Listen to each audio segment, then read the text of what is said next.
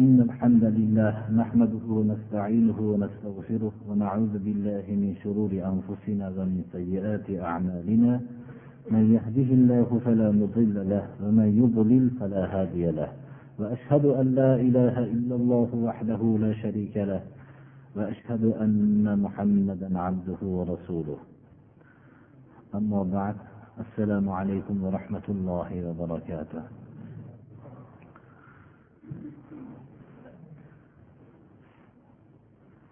بسم الله الرحمن الرحيم. يسألونك ماذا أحل لهم. قل أحل لكم الطيبات وما علمتم من الجوارح مكلبين تعلمونهن مما علمكم الله فكلوا مما أمسكن عليكم واذكروا اسم الله عليه واتقوا الله إن الله سريع الحساب. Darsimiz inshaalloh sura moidadan davom etyapti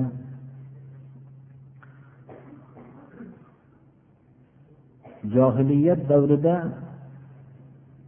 kishilar biror narsaning haqida savol qilishmasdi.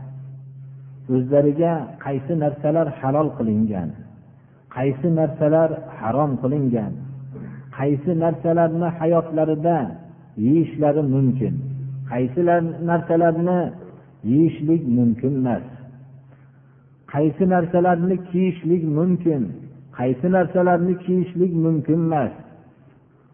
Qaysi narsalar er kishilarga xos? Ba'zi narsalar bo'lsa ayol kishilarga xos.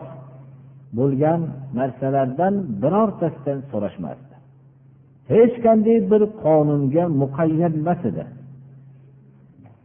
Biror bir qonunga muqayyat bo'lmasdan yashashlik bu o'rmon qonuni hisoblanadi.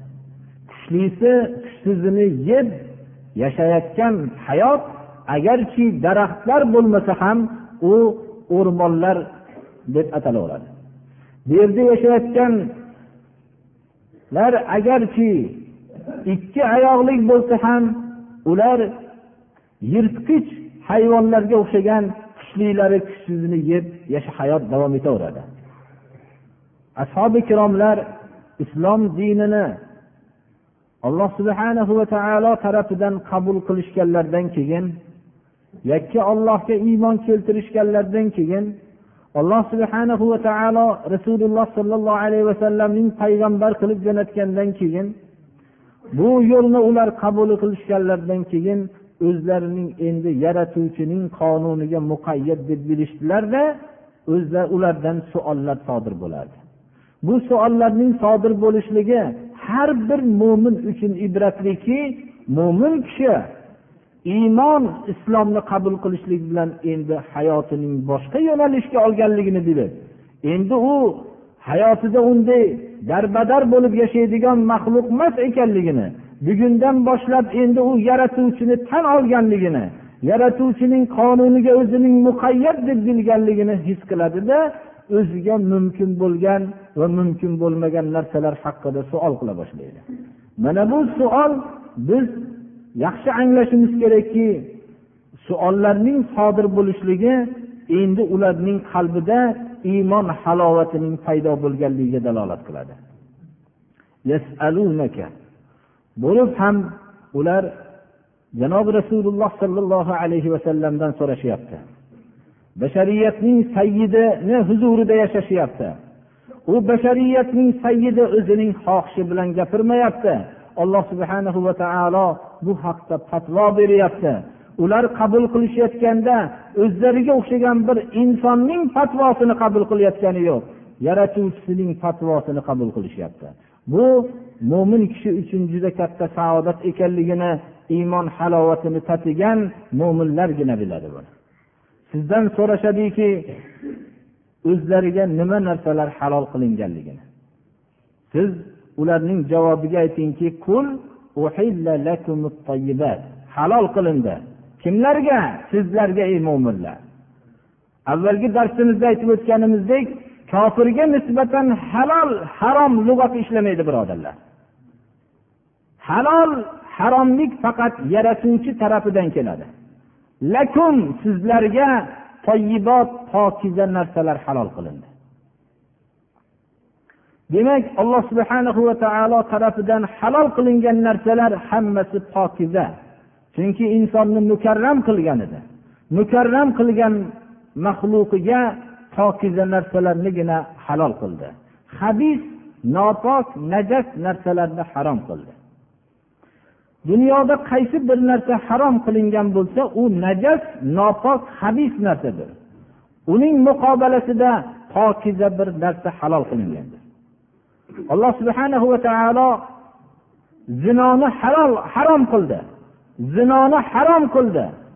Uning muqobalasida nikohni halol qilib qo'ydi. Alloh subhana va taolo butun pokiza shirinliklarni halol qildi.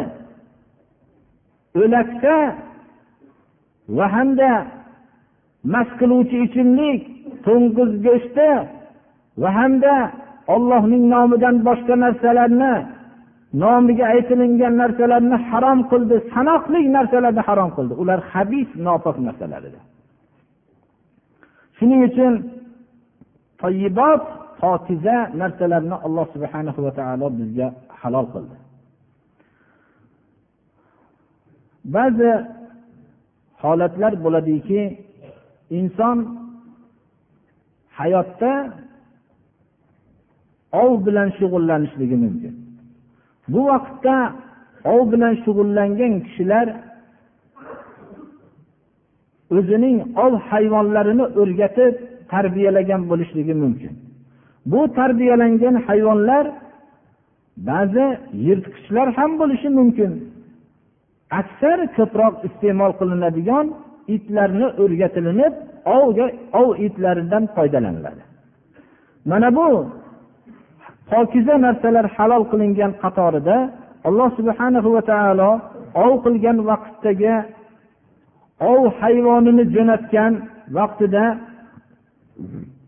qaysi ov hayvoni olib kelgan narsalar halolu qaysilari harom ekanligini ham bayon qildi.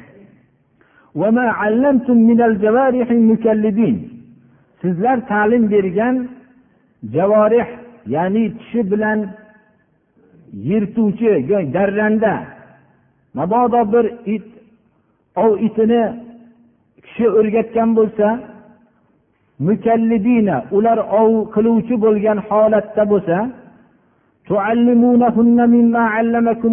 sizlar ularga olloh sizlarga bildirgan narsadan bildirgan edinglar olloh bildirgan ta'lim bergan narsalardan sizlar u ov hayvonlarini hatto ularga ta'lim bera olgan edinglar agar alloh subhanahu va taolo o'zining mashiati bilan ov hayvonlarining insonga bo'ysundirmasa ular bo'ysunmaydi. Qo'lingizdan uchib ketgandan keyin u ovni tutib kelish yana sizni oldingizga kelishligi alloh subhana va taolo insonga shunday ne'matni bermasa u hayvonlar bunga bo'ysunmaydi. Ov itlarini ham alloh subhana va taolo bizga bo'ysundirib qo'ydi. Uni jo'natsak borib yuborilingan ov iti yo boshqa hayvon borib shu o'ljasini olib sizni oldingizga olib kelib beradi. Bu alloh subhana va taolo bizga bergan ta'limdan bergan ta'limimiz sababli shunday imkoniyat hosil bo'ladi. Alloh subhana va taolo buni minnat qilib aytyapti. Shu vaqtda ov itini jo'natayotgan vaqtda alloh subhana va taolo qaysi hayvonni yeyishligini bayon qilib sizlarga ushlab olib kelganini yeyglar jo'natayotgan vaqtinglarda ollohni ismini aytib bismillahi allohu akbar deb shu hayvonni jo'natinglar.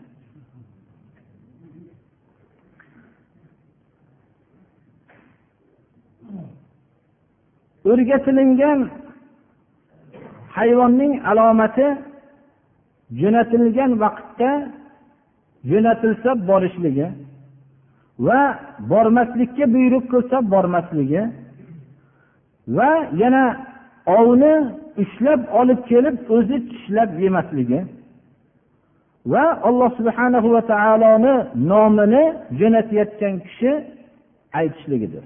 Shu to'rtta shart bilan olib kelingan o'lja halol bo'ladi.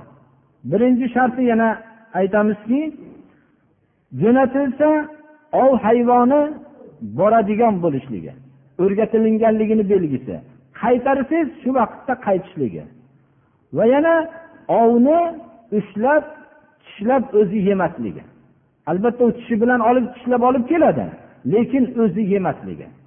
Va jo'natilayotgan vaqtda ollohni ismini aytilishligi shu shart bilan ov hayvonlari bilan tutilingan ovlar halol bo'ladi. Ollohning ismini aytilinishligi jo'natilingan vaqtda bo'lmoqligi kerak. Mabodo hayvon jo'natilingandan keyin ollohni ismini aytilinib jo'natilinganda shu ovni olib kelgandan ilgari bir qismini yeb qolganini olib kelsa buni yeyishlik halol emas. Chunki qur'oni karimda sizlarga tutib olib kelgan narsadan yeyinglar deyapti. U o'ziga olganligini belgisidir u.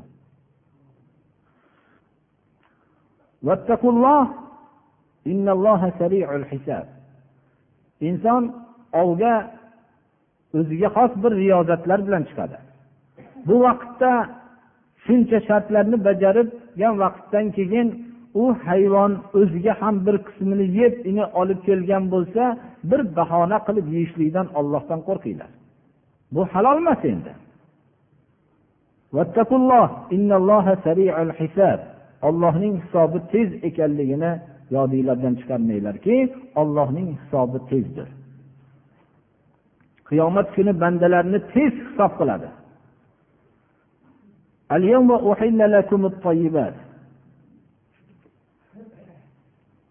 Bugungi kunda sizlarga toyibotlar halol qilindi. Yana takror aytamizki lakum alaykum kalimasi doim takror bo'lyaptiki bir narsaning halol harom bo'lishligi mo'minlarga nisbatandir. Ollohga unamagan kishilarga nisbatan halol haromni e'tibori yo'qdir ular. Bugungi kunda sizlarga toyibot pokiza narsalar halol qilindi.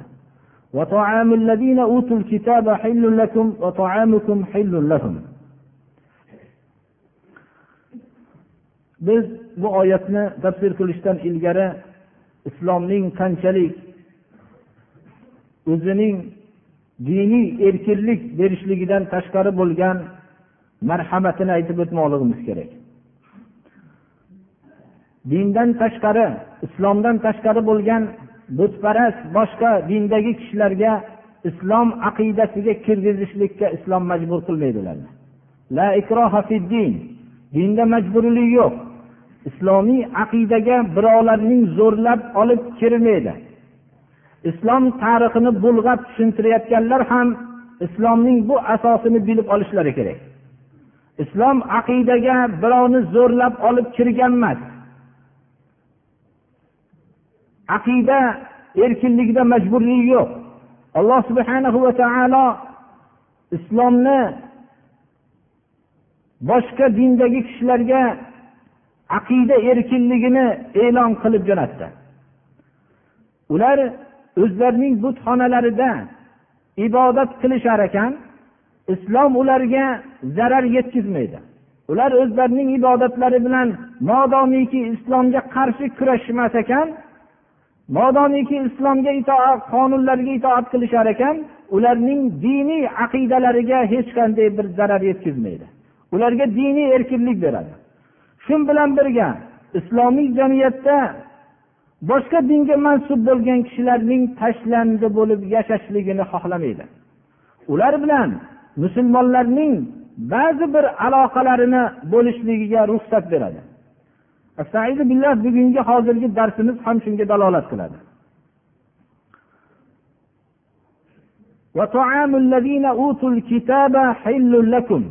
Takror aytamiz islomiy jamiyatdagi holatdir. Ahli kitoblarning taomlari sizlarga haloldir. Ahli kitoblar o'zlarining kitoblariga amal qilgan ahli kitoblar bular bismillahi allohu akbar bilan so'yishadi. Ularning ichida ham o'zlarining qur'onini shariatini esdan chiqargan musulmonlar bo'lganga o'xshagan ularning ichida ham o'zlarining kitoblaridan voz kechgan kishilar bor ular ahli kitob hisoblanmaydi. Ahli kitoblar o'zlarining so'yishlarini tasmiya bilan so'yishadi. Alloh subhanahu va taolo bu yerda ahli kitoblarning taomi sizlarga halol. Islomiy jamiyatda bo'lishlik sharti bilan islomiy jamiyatda yashayotgan ahli kitoblarning bilan birga taomlanishlikni islom man qilganlar. Va shu bilan birga.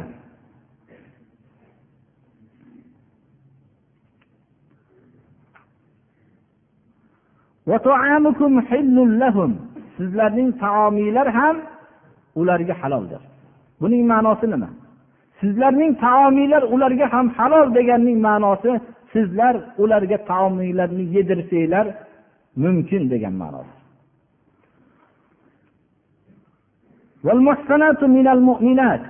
Sizlarga yana halol qilingan pokiza mo'mina ayollar halol qilindi. Ya'ni musulmon kishilar o'zlari turmush qilayotgan vaqtda pokiza mo'mina ayollar bilan turmush qilmoqligi kerak. Nikoh afifa ya'ni pokiza mo'mina ayollar sizlarga halol qilindiki turmush qilgan vaqtinglarda mo'mina bo'lishligi bilan. Islomiy jamiyatda yashayotgan ahli kitoblarning muhsanot ya'ni afifot pokiza bo'lgan ayollari bilan ham turmush qilishlikni islom ruxsat berdi sizlardan ilgarigi ahli kitoblarning afifa pokiza ayollari bilan turmush qilishlikka islom ruxsat berdi islomiy jamiyat bo'lishlik sharti bilan. Ularning mahrlarini bersanglar. Nikoh qilgan holatda. Ya'ni bular muhsinin turmush qilgan holatda. Bu bilan mahrlarni berib berishlik buzuqlik uslubida emas. Fohisha uslubida emas. Ulardan hadan ya'ni ma'lum bir vaqtga turmush qilib buzuq bo'lib yuradigan bo'lgan holatinglarda emas alloh subhana va taolo islom dinini shunchalik marhamat qilib jo'natdiki islomiy jamiyatda yashayotgan ahli kitoblarning taomini musulmonlarga halol qildi va musulmonlarning taomini musulmonlar o'zlarining taomini ularga yedirishligiga ruxsat berdi. Va yana u ahli kitoblardan bo'lgan afifa ayollar bilan turmush qilishlikka ham ruxsat berdi. Ularning bu yerdagi tavallo tabarro bu alohida masaladir. Shuni takror aytib o'tishimiz kerakki bundan ba'zi kishilar tushunib olmasliklari kerakki har qanday jamiyatda turmush qilishlik mumkin deb tushunib qolmasliklari kerak. Chunki islomiy jamiyat bo'lgan vaqtda farzand ko'rgan vaqtda farzand ota onaning eng yaxshisiga tobe bo'ladi. Mabodo bir ahli kitob bilan turmush qilgan bo'lsa bir mo'min kishi shunda uning farzandini mo'min hisoblanadi va uning tarbiyasiga islomiy jamiyat yordam beradi. Tarbiya farzandlarning tarbiyasi nihoyat darajada e'tiborliki shuning uchun islomiy jamiyatda. Ammo mushrika bo'lsa iso alayhissalomni ollohni o'g'li deydigan bo'lsa mushrika bo'lsa nikohi durust emasdir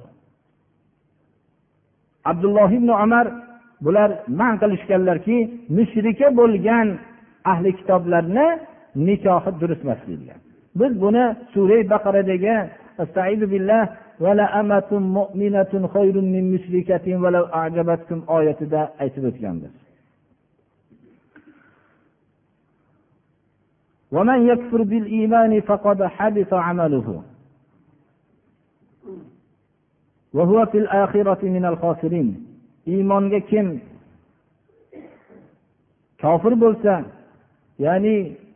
alloh subhanahu va taolo tarafidan bo'lgan iymon arkonlariga kofir bo'lsa uning amali habata bo'ladi. U oxiratda ziyonkorlardandir. Alloh subhanahu va taolo o'zi saqlasin bir kishi dindan qaytgan bo'lsa o'tgan amallari hammasi habata bo'ladi.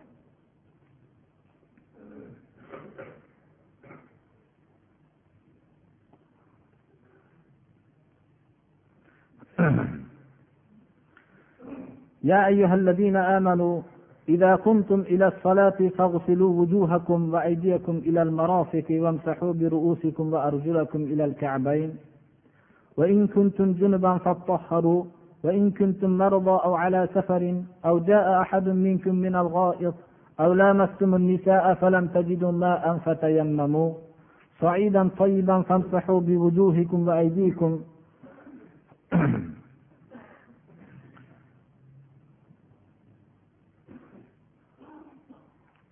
alloh subhana va taolo halol qilingan taomlar halol qilingan bu pokiza ayollarning nikohi halol qilingan qatorda namozning zikri keladi. Namozning zikri bilan albatta namoz tahoratsiz sahih bo'lmaydi. Namozga turgan vaqtda tahorat qilishlikni ahkomlari keladi. Bu ham insonning mo'min kishining yeydigan narsasi pok bo'lganiga o'xshagan. Turmush qiladigan ayollar ham afifa bo'lishligi shart bo'lganga o'xshagan. O'zining ollohni huzuridagi ruhini poklashligi bu namoz bilan bo'ladi. Ruhini poklashlik uchun inson jasad va ruhdan tashkil bo'lganligi alloh subhana va taolo har bir narsada jasadning haqqini o'tashlikka buyurganligi ruhiy poklanishlikdan ilgari jismoniy poklanishlik tahoratga buyuriydi. Ey iymon keltirgan kishilar agar namozga tursanglar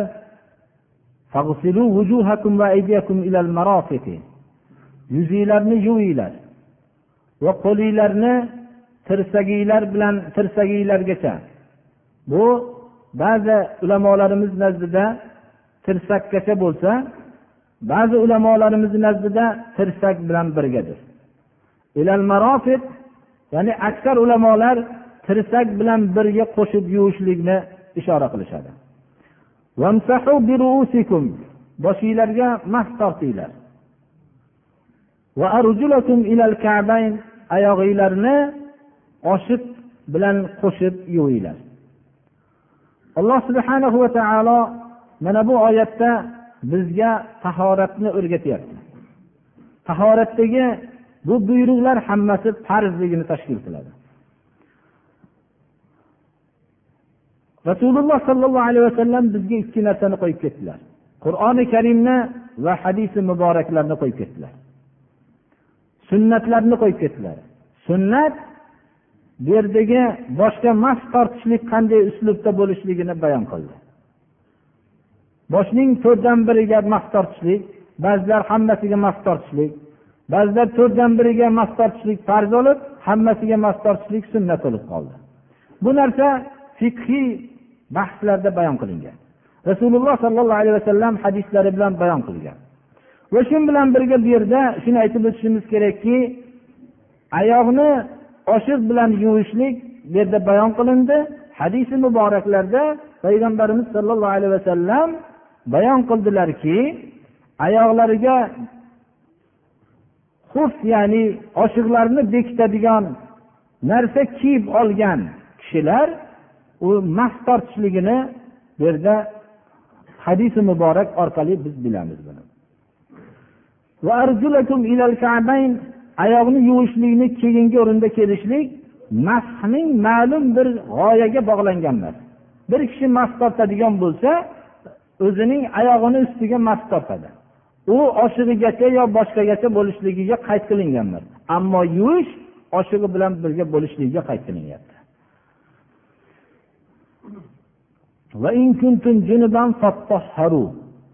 junub bo'lsanglar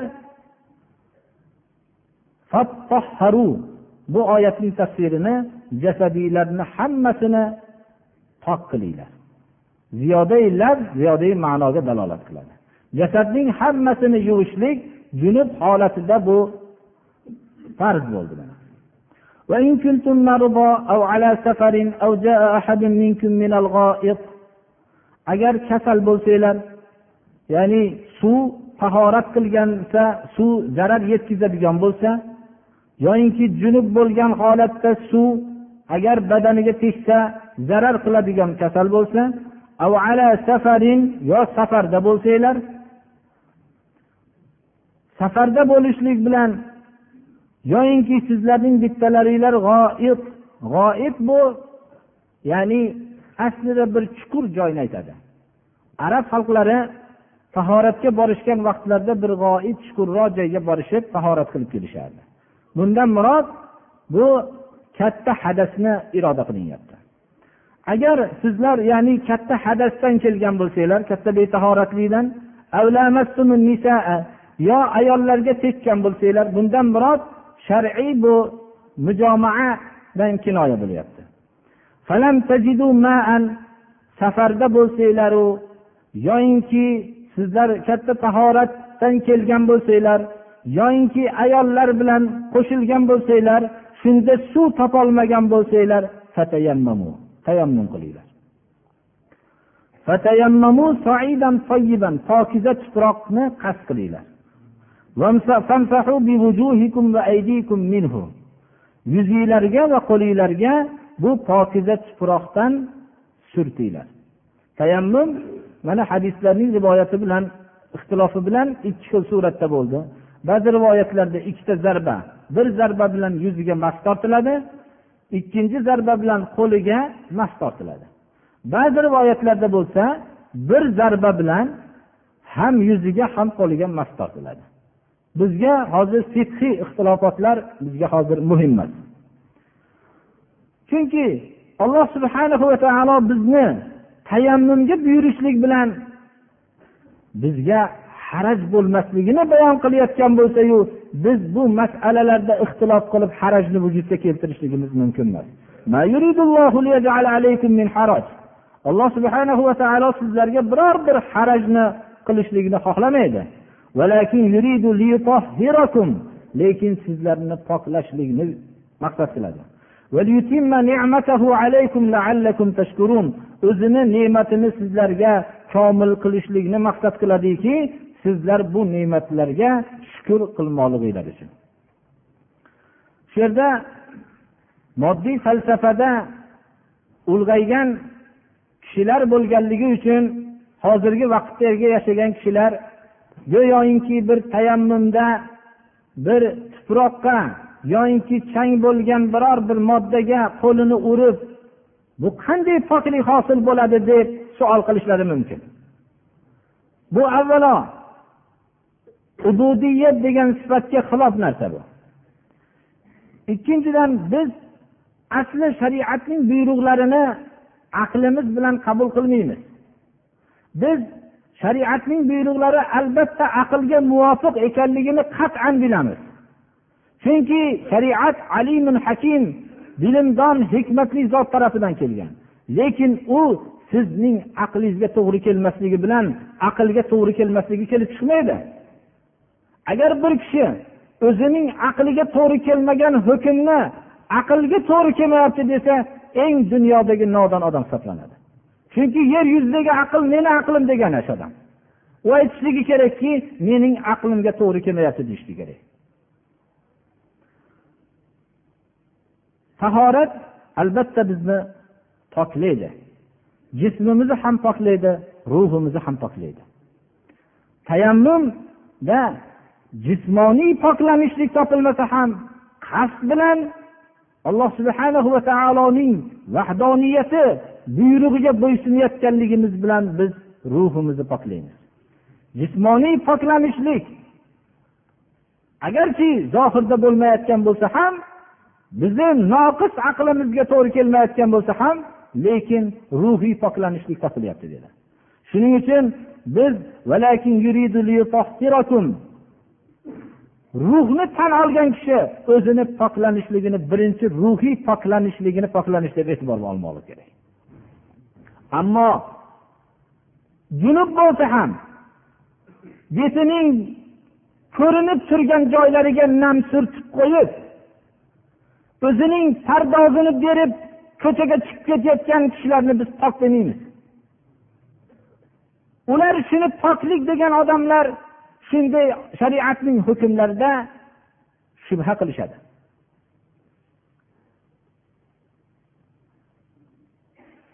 O'zining davlidan mutlaqo ehtiyot bo'lmasdan hatto go'dak bolalarga o'xshagan o'zining ichki kiyimlarini butun najasini bilan bo'lib turgan odamning zohirini har qancha qiymatbaho pardoz bergani bilan pok demaymiz biz. Islom birinchi poklikka buyurganda ruh ham poklikka buyurdi va jismning ulushini esdan chiqarmadi. Tahorat munosabati bilan biz qanchalik biz tahoratdagi poklikni o'zimiz bilmoqchi bo'lsak oxiratdagi mukofotlarni bilsak usmon ibn affon roziyallohu anhudan rivoyat qilinadiki rasululloh sollallohu alayhi vasallam aytdilarki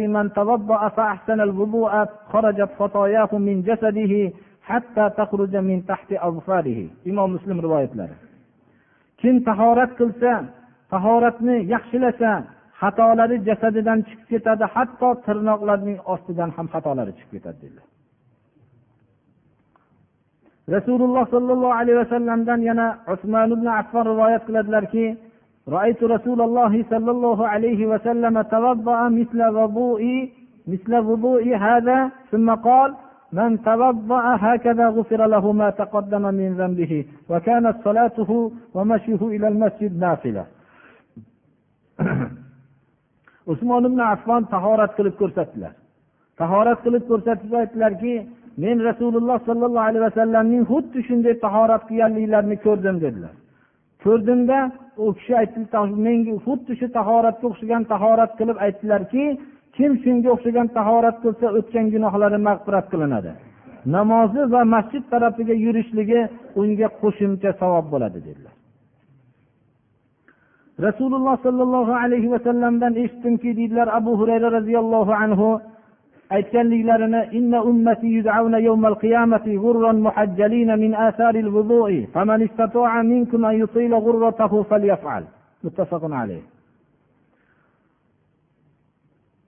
Meni ummatim dedilar rasululloh sollallohu alayhi vasallam qiyomat kunida peshonalarida nur qashqa va qo'llari oyoqlarida nur qashqalar bilan chaqiriladi dedilar.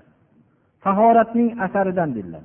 Tahorat qilgan joylari qiyomatning zulmotida xuddi qashqalik bir ot qora otlarning o'rtasida chiroyli bo'lib ko'rinib turganga o'xshagan nurdan shunday qashqa bo'lib ko'rinib turadi dedilar. Kim o'zining qiyomatdagi nurdan bo'ladigan qashqasini ko'paytirmoqchi bo'lsa qilsin dunyoda qilib olsin dedilar.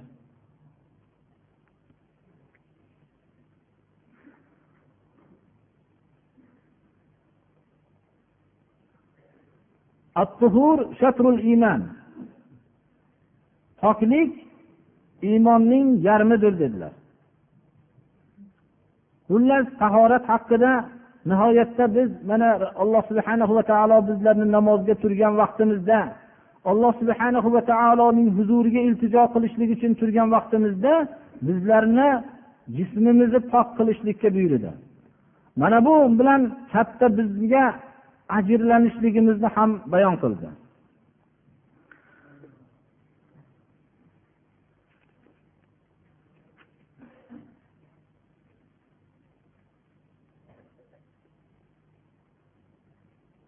واذكروا نعمة الله عليكم وميثاقه الذي واثقكم به إذ قلتم سمعنا وأطعنا واتقوا الله إن الله عليم بذات الصدور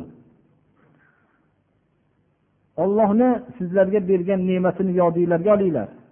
Alloh subhana va taolo sizlar bilan ahdlashgan ahdini esga olinglar. Sizlar ahdni olgan vaqtinglarda va atona dedinglar eshitdik va itoat qildik degansizlar alloh subhana va taologa bergan ahdinglarni esga olinglar. Vattaqulloh bu ahdlarni buzishlikkadan ollohdan qo'rqinglar. Olloh sirlarning qalbga joylashganlarini ham biluvchidir ya'ni sirlariki tashqariga mutlaqo chiqmagan zoti sudur qalbni egasi bo'lib qolgan darajadagi maxfiy sirlarni ham biluvchidir يا أيها الذين آمنوا كونوا قوامين لله شهداء بالقسط ولا يجرمنكم شنآن قوم على ألا تعدلوا اعدلوا هو أقرب للتقوى واتقوا الله إن الله خبير بما تعملون ey iymon keltirgan kishilar olloh uchun turuvchi bo'linglar qovvam har bir ishni boshqaruvchi har bir ishni boshqarib turgan kishi olloh uchun turadigan bo'lmoqligi kerak adolat bilan guvoh bo'linglar har bir ishda o'zinglarni yo biror bir millatinglarni o'ylab yoyinki qarindoshinglarni o'ylab yoyinki o'zinglarni foydanglarni o'ylab hatto o'zinglarni ota onanglarni o'ylab shularni foydasini o'ylab adolatni buzmanglar. Adolat bilan guvoh bo'linglar. Odamlarni yomon ko'rishlik adolat qilmaslikka sabab bo'lib qolmasin. Bir kishi har qancha ikkinchi bir kishini yomon ko'rsa ham adolat qilmasligiga sabab bo'lmasligi kerak adolat qilishligi kerak. Umar ibn hattob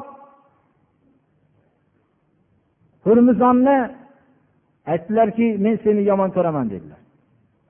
Shunda so'radiki yomon ko'rishligingiz adolat qilmasligingizga sabab bo'ladimi? dedilar. Yo undan xotirjam bo'l men yomon ko'rsam ham adolat qilaveraman dedilar.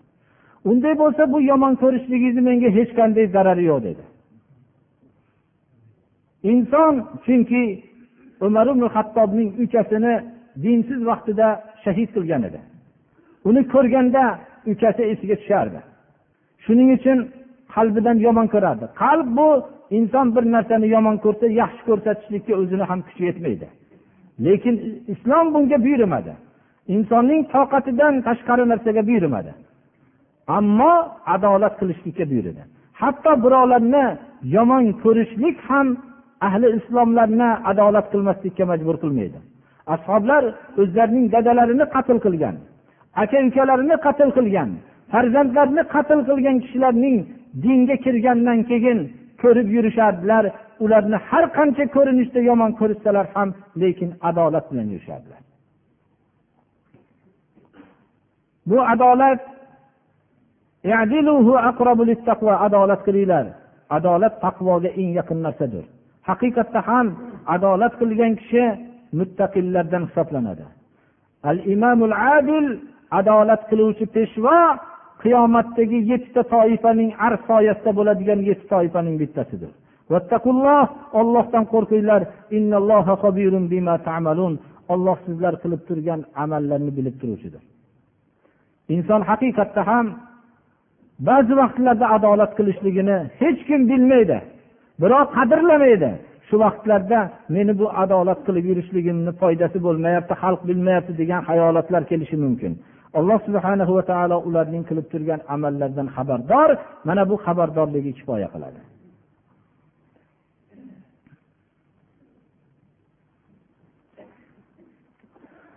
Alloh subhanahu va taolo hammamizni ham adolat qilib yuradigan kishilardan qilsin. Alloh subhanahu va taolo gunohlarimizni mag'firat qilsin ibodatlarimizni alloh qabul qilsin. Alloh subhanahu va taolo shu qur'oni karimdan bo'layotgan darslarni hammasini qalbimizga jo qilsin. Birodarlar shu yerda shuni aytib o'tishimiz kerakki hop alloh taolo bizni ham haq yo'lga xizmat qiladigan kishilardan qilsin.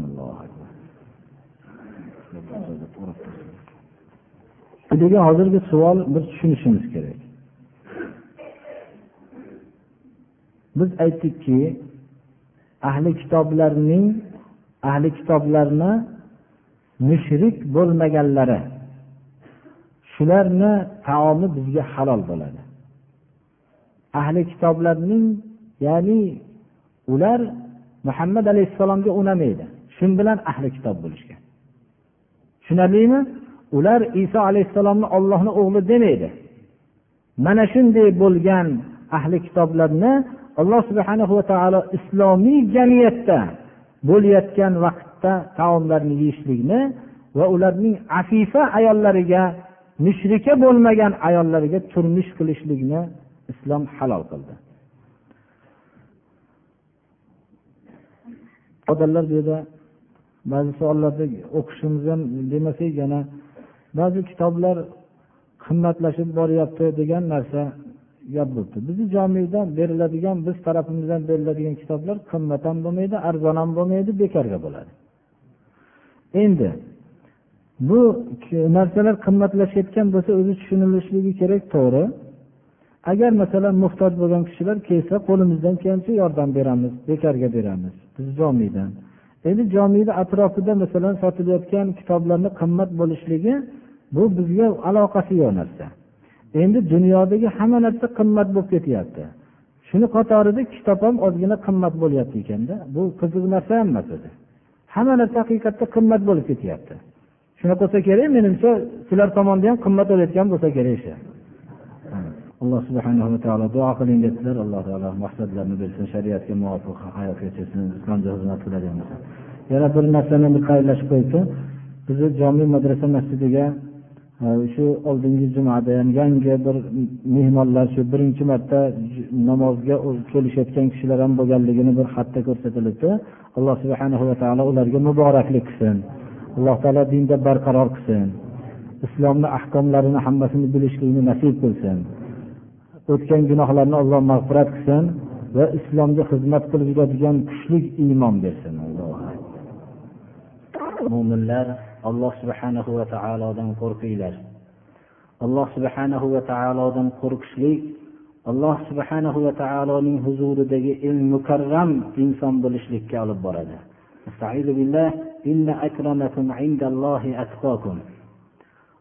Sizlarning olloh huzuridagi eng mukarraminglar eng ollohdan qo'rquvchirog'inglar dedilar. So'ng taqvoning alomatlaridan bittasi iymonu islom arkonlarini til bilan tasdiqlab qalb bilan til bilan aytib qalb bilan tasdiqlab va shunga amal qilishlikdir. Iymon bu qalb fe'lidir. Til bilan aytib qalbni tasdig'idir islom bo'lsa ollohning buyurgan buyruqlarini bajarishlikdir. Bu buyruqlarning birinchisi namozdir. besh vaqt namoz o'qishlikni alloh subhana va taolo bizlarga farz qildi. Namoz o'qimaslik kishilarning do'zaxga kirishligidagi sabablarning bittasidir. Qolu ma fi saqar? Ma fi saqar? Qolu do'zaxdagi azoblanayotgan kishilarni alloh subhanahu va taolo bularga xitob qilinar ekanki sizlarni do'zaxga nima narsa tushirdi nima narsa shu yerga olib keldi degan vaqtda ular bizlar namoz o'qiguvchi bo'lmabmiz deyishadi. Namoz o'qimaslik ularning do'zaxga kirishligiga sabab bo'ladi. Rasululloh sollallohu alayhi vasallam bizlar bilan kofirlarni o'rtasidagi farq namozdir dedilar. namozni faqat o'qishligina emas balki bu namozni rukunlarini rioya qilishlik eng zarur islomning buyruqlaridandir alloh subhanahu va taolo surai maryamda استعيذ بالله فخلف من بعدهم خلف أضاعوا الصلاة واتبعوا الشهوات فسوف يلقون غيا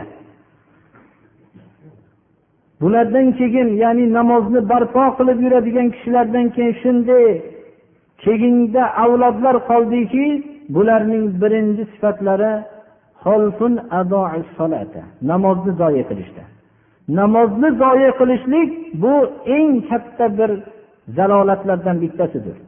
Hatto alloh subhana va taolo namozdan beparvo bo'lgan namozxonlarning holiga voylik e'lon qildi.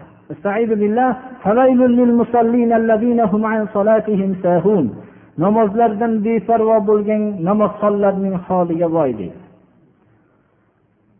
imom termiziy bu hadisni hasan deganlar payg'ambarimiz sollallohu alayhi vasallam aytdilarki